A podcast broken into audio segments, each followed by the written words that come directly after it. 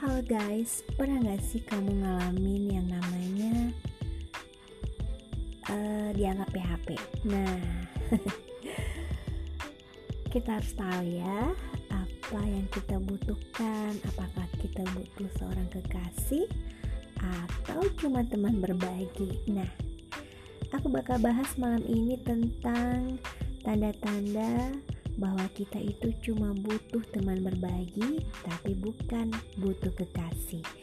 Karena sering kali kita tidak menyadari kalau kita jadian atau punya pasangan sebenarnya cuma butuh teman ngobrol aja, teman berbagi aja, dan tidak saling mengisi satu sama lainnya.